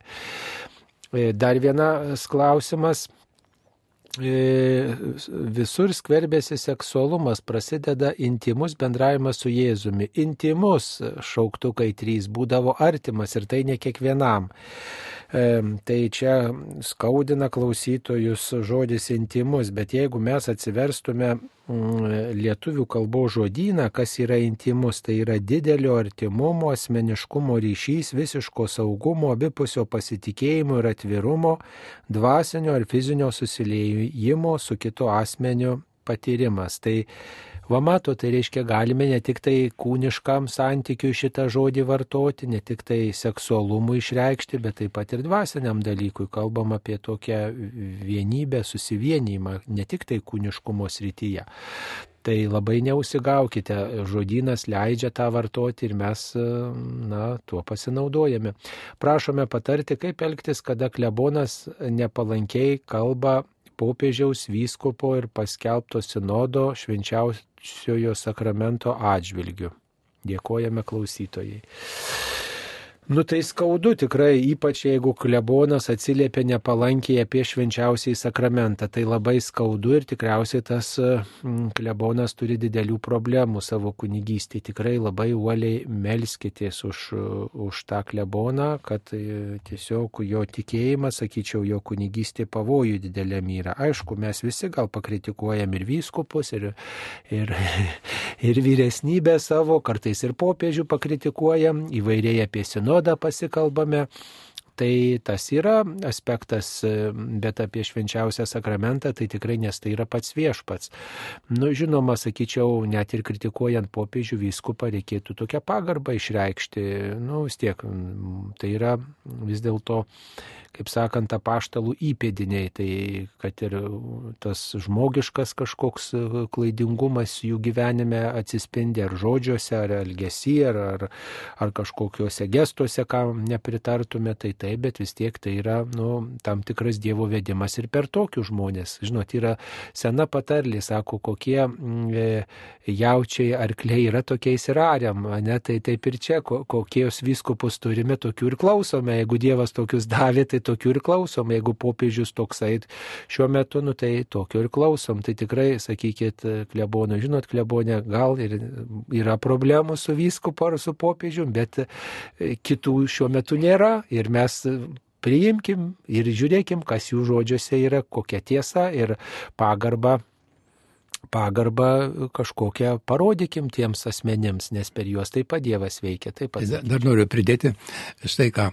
Reiškia, reikia laikytis savo įsitikinimo, pavyzdžiui, švenčiausių sakramentų atžvilgių, čia jau viskas yra šventa ir teisinga, ką jūs žinot.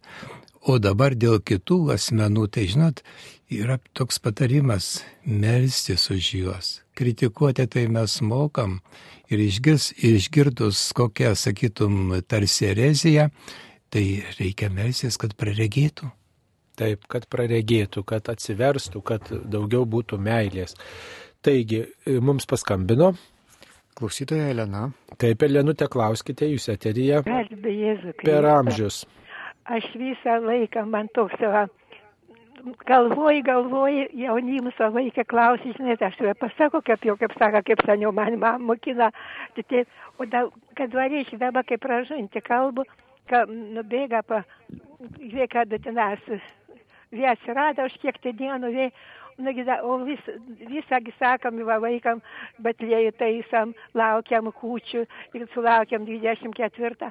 Nu, atsinavęs va tokie akeivai, man atrodo, kad ten nepat, kaip nors pataisyt, biški pataisė, kad dabar dar, tas, kai nestovėjo nieks, negirdėjo, tenagi, tik tas, o dabar net tokių priedų pridėta, ta, tai aš labai norėčiau pa, paaiškinti, kaip ten, kad aš labiau suprasčiau paaiškinti vaikams. Apie kokius priedus jūs čia kalbate, mėloji? Norėčiau, kad kad pa, pabėga, kiek tai dienų buvo, kur išvažiavo, aš matau, tas testamentas ir senesnis žmogus, ne, nebuvo seniau tas testamentas. Ir reiškia, kad, kad reiškia, paskiau už tiek, už tiek dienų sugrįžę. Negi, kad į Egiptą buvo pabėgę, turit galvoj ne, ne, ne Egipto, kaip, kaip Mišana Busteinė, kokį bus, buste, bus, bustinė, aš ne, atsiprašau, ne, negaliu jūs suprasti, gal, o kalbu, kad reiškia, nu, ne, kitaip padaryti, na, nu, netinka, prie, prie kalėdų netinka, kad ketvirt, 24 švenčiam, kūdikiai laukiam, o tenai už kiek laiką, da, už kiek laiką. Labai atsiprašau, labai norėčiau, kad paaiškytumėt. Mm, nu, nelabai supratom, ką reikėtų paaiškinti, bet jeigu e, jums nepriimtina, e, nepriimtina, pavyzdžiui, ten švento rašto kažkokia viena kita mintis, kur skaitoma, e, tai nu, belieka vis dėlto nu, mums su tikėjimu priimti, kad vis dėlto tai yra tikėjimo knyga, tai yra tikėjimo knyga ir pabandyti tuos įvykius kaip tikėjimo įvykius suprasti, o, o jeigu ten, reiškia, kažko negalim priimti arba atrodo, kas ten matė, kas ten fiksavo, kas ten fotografavo, kas ten viską, kaip sakant, surinko tas žinias, kai, kai, kai, mums kyla tokių klausimų, tai, žinot, šventas raštas, nu, nesako, iš kur e, sužinojo, dažniausiai, reiškia, būdavo perduodama iš lūpų į lūpas, tai tikriausiai papasakojo gal ir Juozapas, gal ir Marija papasakojo, gal ir mm, dar kažkoks liudytojas yra, yra buvęs vienom ar kitom aplinkybėm to, tame įvykyje Ir, ir tai nėra tik tai jau e, fantazijos vaisius, ne, visa tai, kas parašyta, tai yra e, visų pirma tikėjimo ženklai, tikėjimo žodžiai, kurie turi tam tikrą ne tik tai, kad tai buvo, bet taip pat, ką tai reiškia, ne, Va, tai svarbiausiai. Ir yra daug švento rašto tekstų, kurie mums ne, netrodo tokie sušukuoti, netrodo tvarkingi, netrodo tokie gražus vaikams papasakota, ne.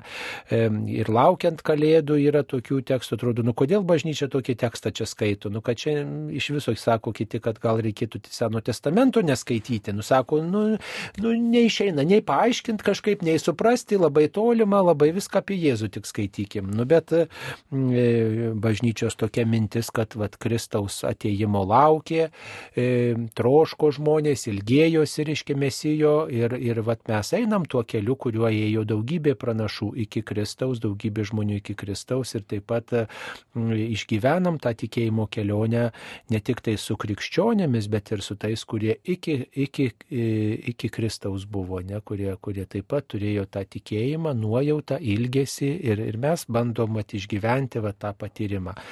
Nu, vaikam paaiškinti, žinot, daug ką yra sunkoka, bet jūs galit paaiškinti, kaip vat, mama tavęs laukia, taip laukia Dievo ir, ir, ir visokie žmonės ir anais laikais ateinančio Dievo, ne? Tai kaip laukiam dabar gimimo šventės, taip ir taip ir anais laikais lauki, kad Dievas ateis kažkokiu būdu, ne, kad Dievas ateis, kad atleis nuodėmės, kad išlaisvins, tai kad paguos, kad sutaikys ir tai didžiausia, mm, didžiausia taika. Tai, žinot, nereikia norėti protų viską suprasti šventam rašte, va čia ir yra didžiausia klaida mūsų, kad mes norim savo protų visas mislės įminti, kaip literatūros kūrinį perskaitėm, aha, tai siužetas suprantamas, reiškia, mirė, gimė, e, vedė, tekėjo išėjo, susipyko, a, tai viskas aišku, viskas suprantama ir čia man viskas e, paprasta. Labai gražiai parašyta ir panašiai, bet Dievo žodis ir yra didesnis už mūsų protą e, ir daugiau reikia svarstyti, ką, ką tai, į kur tai kreipia, ką tai primena, va, e, na, daugiau patirti paties asmens veikimą įvairiausiomis aplinkybėmis, įvairiausiais istoriniais laikotarpiais. Dar aš noriu. Taip, žinokit, vaiko protas yra kitoks ir nereikia jam aiškinti taip, kaip suaugusiam. Ir pagrindinius dalykus pasakai, Ir, ir viskas, ir daugiau nieko nereikia. Kad nebūtų taip, kaip su vienas berniukas paaiškino.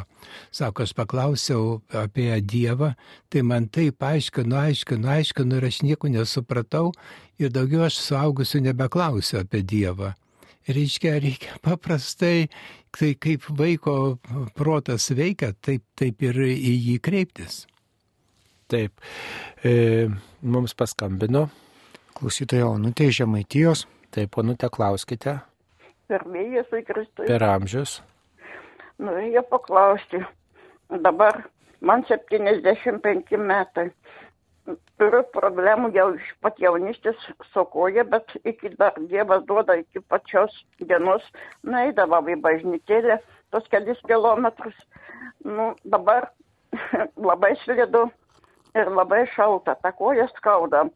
O visada aukoju Marijos radijui.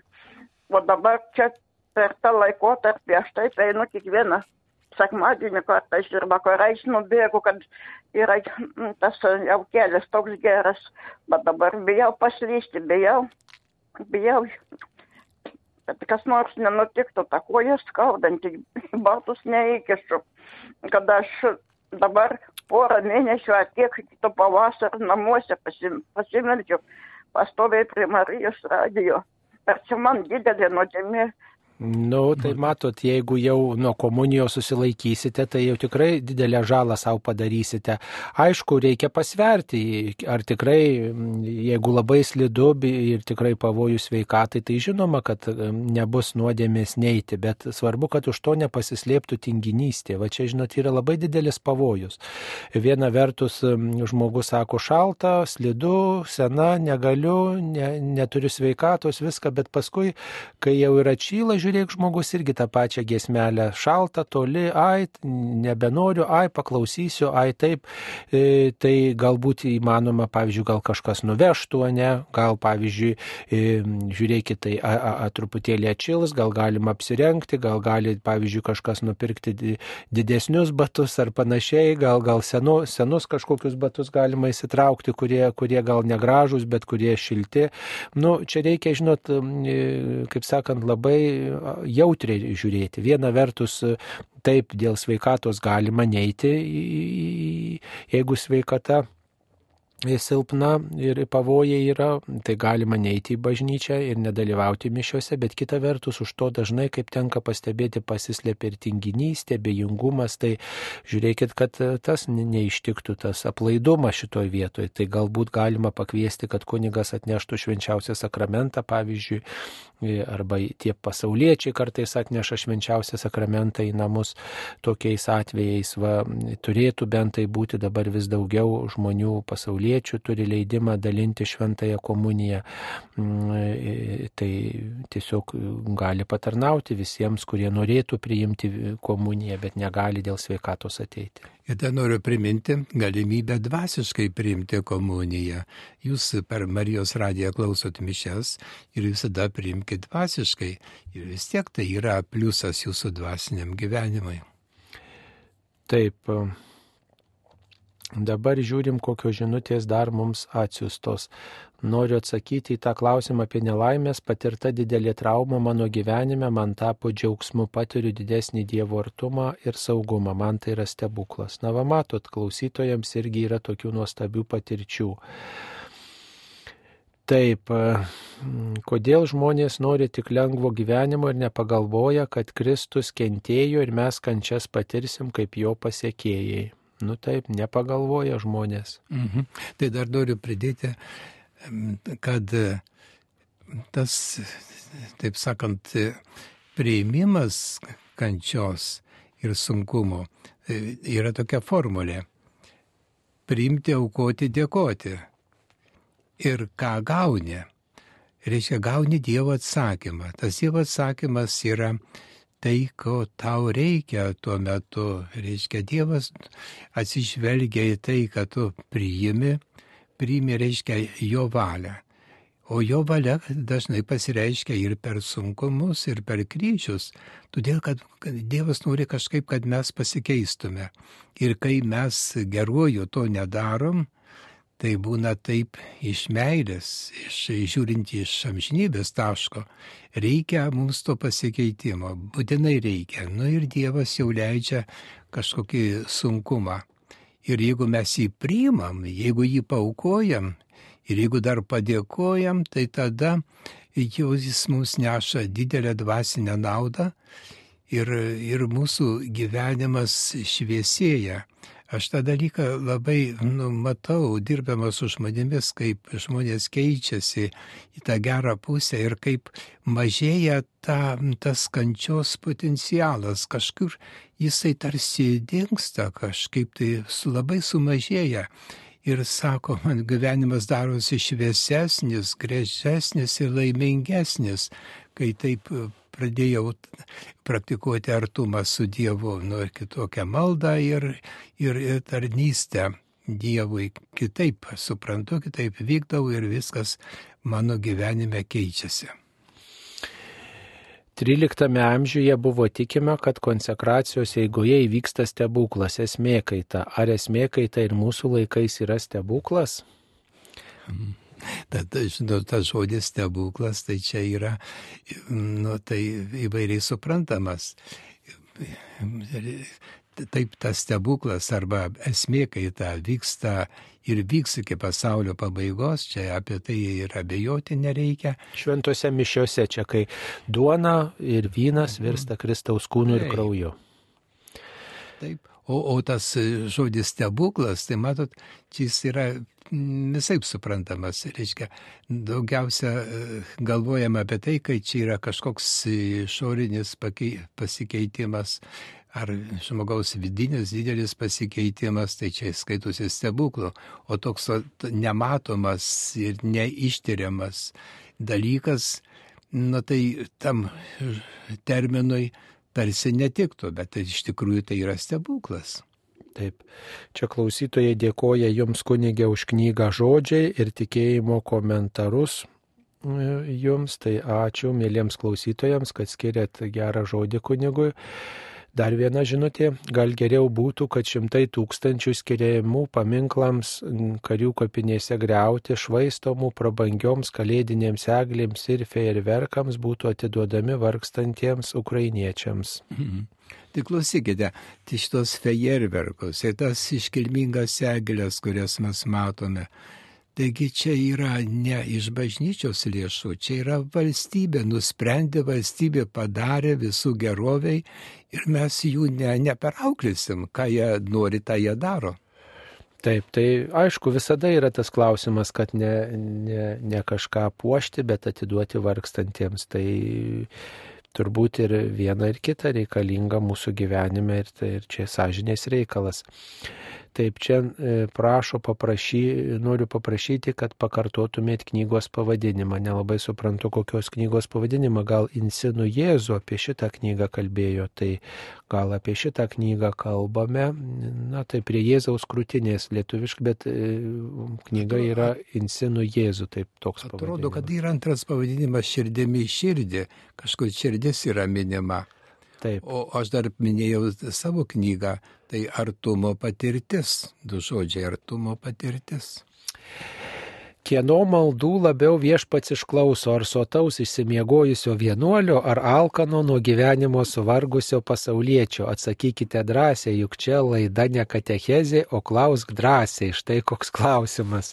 Tai jūs viešpaties ir paklauskit, mėly klausytojai, kokios tu viešpatie laido išklausai maldos, ar išsimiegojusio sotaus vienuolio, ar suvargusio pasaulietčio. Nu ką mes ne Dievo, ne dievo žmonės, ne, ne Dievo savo, kaip čia pasakyti, sekretoriai esam, kad e, galėtume e, čia labai jums e, taip jau aiškiai pasakyti. Bet šiaip tai, kiek jau teko studijuoti ir patirti, tai Dievas išklauso nuo širdžios maldos. Ar sotaus, ar suvargusio žmogaus, bet nuo širdžios, karštos, jeigu tas suvargęs pasaulietis niekina tą sotų įsimiegojusi vienuolį ir su panieka žvelgia ir su pykčiu ir su tuo, tai tikrai vargu ar tokios maldos išklauso, su, su nemailė, su, su tokiu, žinot, pavydu, pavyzdžiui, kad tu vienuolį pritukęs esi, o aš čia vargstu.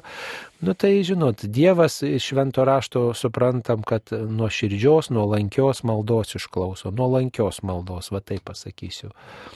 Taip, dabar žiūrim dar kas e, mums parašyta, ar advento rekolekcijos turi būti parapijoje. Šiaip rekolekcijos mėlyje rašomos su K, ne su G turi būti parapijoje. Nu tai m, turbūt labiausiai įprastos yra gavėnios rekolekcijos, advento rekolekcijos. Nu tai, žinot, yra proga proga kalbėti apie tikėjimą gal šiek tiek daugiau, bet nelabai žmonės turbūt noriai dalyvauja tose rekolekcijose, kažkaip toks e, nu, atvėsimas jaučiasi. Ir dar kitas dalykas, žinot, kunigų per maža, per maža. Ir kai pats klebonas veda rekolekcijas, tai čia jo efekto kažkaip nėra. Žodis sako, tai čia mes prisiklausėm, mums reikia svečio, o kur tą svečią gauti? Taip, mums paskambino Julija iš Liškevos. Taip, Julija, klauskite. Garbėjai Jėzui Kristui. Per amžius amen. Pirmiausia, labai labai ačiū Jums už nepaprastą kantrybę ir, ir tokius su, su meilė atsakymą į visokio pobūdžio klausimus. Antra. Man gal iš tikrųjų nesmė, bet man labai seniai dirba. Kristus pas pilotą Kristus nuplakamas. Dabar yra tokie du aiškinimai. Pilotas nenorėjo, pamatė, kad jis nekaltas, norėjo išvengti šitos bereikalingos kančios. Ar, ar jis, vieni sako, kad jisai, kad jisai, reiškia, leido nuplakti dėl to, kad suminkštintų žydų širdis, o gal jie jau nereikalaus jį prikalti prie kryžiaus. Kiti, kiti aiškina, kad reiškia, jis buvo piloto nuteistas, tada nuplakė. Vieną, taip pat prašyčiau pakomentuoti. Antra, ar prieš nu, nusikaltėlius, tikruosius nusikaltėlius, ar irgi plakdavo. Aišku, jų nevainikuodavo, tai čia aišku kodėl. Dabar kitokio būtų pobūdžio klausimas, susijęs, sakykime, kad ir su Advento. E, vienas, nu, pakankamai dar jaunas kunigas, net du kartus per, per pamokslą yra sakęs, kad, reiškia, Marija lanko Elžbietos, nuėjo aplankyti Elžbietos, įsitikinti, ar tikrai jinai, e, reiškia, laukia kūdikio. Tai aš, pavyzdžiui, galvoju, jeigu Marija sutiko būti išganytojo motina, Dievo sūnaus motina ir, ir tiesiog grinai patikėdama ir atiduodama Dievo valiai. Angelas pasakė, kad die, Dievui nėra negalimų dalykų. Tai aš galvoju, nu, taip priešinasi širdį, nu kaip jais patikrinti, jie tiesiog patikėjo, jie patikėjo dėl savęs, tai patikėjo dėl Elvėtos ir jie iš meilės ten. Tai, Taip. Va irgi pakomentuoti, prašyti. Ačiū Jums. Taip, ačiū Jums, ačiū Jums. Tai dabar Kristus paspilota ir Kristus plakamas. Tai štai pavyzdžiui Evangelijoje pagal Luką 23 skyriuje skaitome kai Jėzus atvestas pas pilotą, buvo jisai kelis kartus atvestas, pilotas e, nenorėjo čia pyktis, norėjo būti toksai visiems geras, taip reikėtų sakyti. Tai e, jisai e, siuntė pilotas, e, sužinojęs, kad Jėzus yra galilėjėtis, sužinojęs, kad Jėzus yra iš Erodo valdų, nusintė Jėzų pas Erodą, o Erodas vėl gražino jį pilotui ir pilotas pasakė, e, kad šis žmogus nėra padaręs nieko, kas būtų verta mirties bausmės, tada aš jį nuplakdinsiu ir paleisiu. Tada jie ėmė šaukti, mirti šitam, paleisk mums barabą. Tai taip, jūs teisingai svarstote, kad galvojo, jog nuplaks, vat, nubaus taip, vat, nereiks čia jo žudyti ir nebus čia tuo maišto ir čia taip išsisuks, ne? bet mm, vis tiek minė šaukė ant kryžiaus jį, aukštieji kunigai šaukė ant kryžiaus jį ir tiesiog pilotas buvo priverstas nusiplauti rankas, jeigu jūs norite, tai maždaug ir aš jį leisiu nukryžiuoti, bet jisai nenorėjo Jėzaus mirties ir reiškia, ir mm, dėl to Jėzus štai ir, ir mirė, nes pilotas iš esmės leido žydams Jėzų nukryžiuoti. O apie plakimą taip plakdavo įvairius nusikaltėlius ir štai dėl to siūlė ir Jėzų nuplakdinsiu ir paleisiu. Plakimas kaip bausmės forma. Ar kitus tuos piktadarius, kurie kabojo šalia Jėzaus, ar juos irgi plakė, tai na, šventam rašte apie tai neužsiminta. Mm, bet tikriausiai Jėzaus atveju tikrai buvo daugiau plakimų negu kitų, kitų, kitų nusikaltėlių atveju. E, dabar ką galėtume pasakyti apie Marijos ir Elisbieto susitikimą. Mm, taip, Marija iš džiaugsmo, iš meilės aplankė savo giminaitę ir troško dalinti iš džiaugsmu, nes viešpats aplankė ir viešpats tikrai daro didelių dalykų jos gyvenime. Ir ta giesmė, kurią e, mes kalbame kiekvieną dieną, mano siela šlovina viešpatį, nėra tokia vien tik Marijos giesmė, tai yra jau ir e, senu tokiu papročių mm, kalbama giesmė iki mergelės Marijos buvo, ar ne? Ir, ir tik tai Marija galbūt ją kažkaip pritaikė savo ir, ir savo džiaugsmą per tą giesmę išreiškė.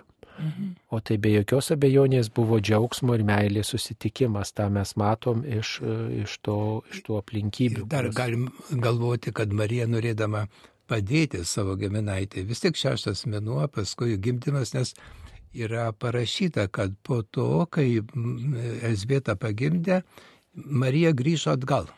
Taip ir be to, Elsbieta reikia žinot, kad truputį vyresnė buvo už Mariją, tai tos pagalbos tarsi ir daugiau galėjo reikėti.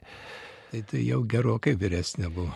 Taip, žinomi trys arkangelai - Mykolas, Gabrielius ir Apolas, bet per Marijos radiją girdžiu daugiausiai maldą į šventąjį Mykolą. Prašau paaiškinimo, kodėl kiti nepaminimi. Na, įprasta yra melstis į šventąjį Mykolą arkangelą pagalbos kovojant su blogiu tokia jau yra sena tradicija, anksčiau būdavo net ir po kiekvienų mišių privaloma malda, bet po antro Vatikano susirinkimo tapo neprivaloma ir nunyko, bet siautėjant blogiui pasaulyje vis pamažu bažnyčioje šita malda prisimenama.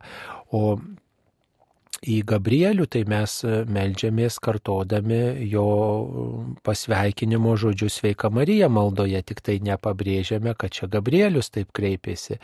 E, sveika Marija malonėmis apdovanotojai. Taigi čia yra, čia yra Gabrieliaus žodžiai, kuriais jis kreipėsi į į Mariją, o rapolas, na, tiesiog tas, kuris užtarė, per kurį Dievas gydo žmonės, aišku, išgydymo trokštame visi, bet, nu, nėra tokios tradicijos melstis į šventą į rapolą išgydymo, gal tik tai per jo atlaidus prisimenama e, ir taip pat jo titulo bažnyčiose. Jis yra ypatingiau pagerbiamas. Ar Abraomas buvo e, istorinė asmenybė ar biblinis sugalvotas personažas? Aišku, savaime, kad istorinė asmenybė, nes reikia žinoti, kad ne tik tai, kad yra šventajame rašte jo vardas, ir tie archeologiniai kasinėjimai ir įrašai, ir, ir, ir, ir pats, nu, vienu žodžiu, yra kitų duomenų apie žydų tautą, kadangi ji buvo ir įtremtyje ne vieną kartą. Ir, ir ten tos tautos kažkiek tai aprašė. Vienu žodžiu, čia yra labai rimtas dalykas, negalima galvoti, kad tai buvo tik tai šiaip sau sugalvota asmenybė svarbu, mums daug svarbiau, ką jis reiškia, ką jis mano tikėjimui reiškia, mano santykiui su Dievu, sakyčiau, čia svarbesnis klausimas, o ne tai, ar jis buvo, ar jis nebuvo, bet ką jis reiškia, kiek jis man svarbus, kiek jis man prasmingas, tas, tas minimas žmogus. Noriu paklausti, kas yra susitaikinimo pamaldos. Hmm. Susitaikinimo pamaldos tai yra, e, sakytume, išpažintis, kad e, paprasčiau kalbant, e, susitaikoma su Dievu, su bažnyčia, su savimi per išpažinti. Ir tai pavadinta pamaldomis tada, kai yra pasiruošiama per skaitinius, pamastymą, pasiruošiama tai, išpažinčiai prie klausyklos. Čia taip įvyksta sustaikymas. Taip. E, ar prieš dvasinę šventąją komuniją privalomas valandos pasninkas, kaip ir kad prieš priimant konsekruotą ostiją? Ne, pasninkas nėra privalomas ir galima priimti bet kada ir net kelis kartus per dieną dvasinę komuniją. Tai yra ilgesio žadinimas ir tikrai galima ir pavalgius priimti ir bet kokiom kitom aplinkybėm. Ar būtina kentėti gyvenime, nors kančia apvalo, tačiau gal yra ir džiaugsmo kelias. Indijos religija sako, kad žmogus yra gimęs džiaugtis. Tai ir krikščionių religija sako, kad be paliovos džiaukitės. Paulius yra keletą kartų šitą temą mm, svarstęs. Džiaukitės, kartuoju jums džiaukitės bet tik tiek, kad e, e, kančia yra neišvengiama šio gyvenimo dalis, nes yra kančia nuodėmės pasiekmė. Tai e, neįmanoma taip gyventi, kad tu kažkiek neparagautum kančios. Nu, tiesiog taip nebūna. Nėra to žmogaus, kuris vargo kančios kažkokiu būdu neparagautų. Tai tik tiek, kad reikia tą kančią įprasminti. E, Taip, nu čia piktinasi, kad e, yra aukojamos glutėm iš tikinčiųjų, iš žmonių lėšų. Visas, taip sakant, pinigai iš žmonių eglutėms ir tam nepritarėma, nu čia atskira tema, bet e, mes, kaip sakant, galime tik tai išreikšti apgailestavimą, na, turbūt jau čia savivaldybių reikalas puošti eglutės.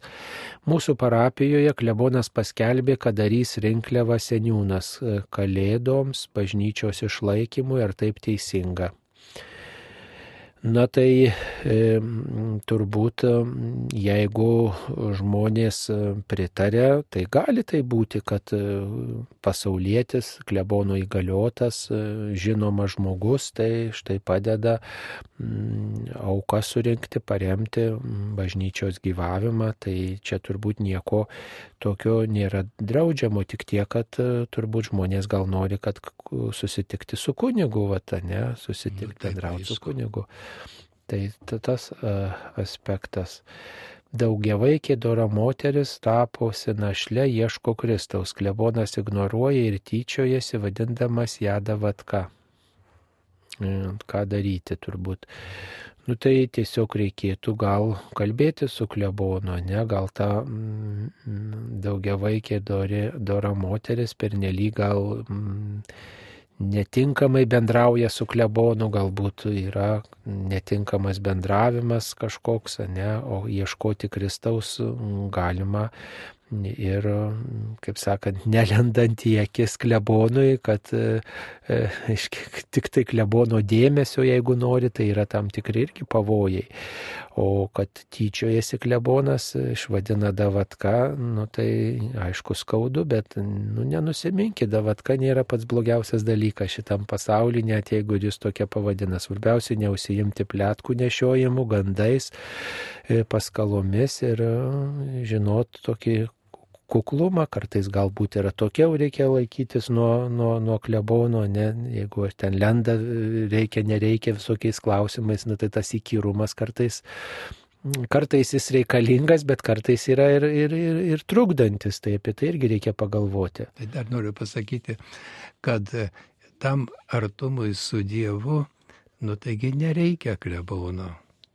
Tai jūs ir Dievas, santykis svarbiausias to bendrumo siekit. Ir čia klebonas tegul būna šalia. Kai mirusiojo urna laikoma namuose, tai kam blogai ar mirusiojo sielai ar gyviesiems. E, tai sakyčiau, e, ramybę reikia duoti tam žmogui, jeigu jūs namuose laiko, tai namuose yra ir, ir, ir tas toksai triukšmas, ir, ir pasaulietiškas gyvenimas, ir viską. O žmogui reikia mirusiam duoti ramybę, ne, ir tikrai sakyčiau, pagerbkite mirusį jį laiku palaidodami. Gyvenu užsienį, dirbu su įvairių tautų žmonėms, Lenkai teigia, kad kučių vakarienė galima valgyti mėsiškus patiekalus, nėra pasninko, susiginčijau, teigia, kad pranešė televizija, aišku, tai jauni žmonės, nebandantis ieškoti atsakymų, tik į žiniasklaidą, prašau patarti, ginčytis nesinori.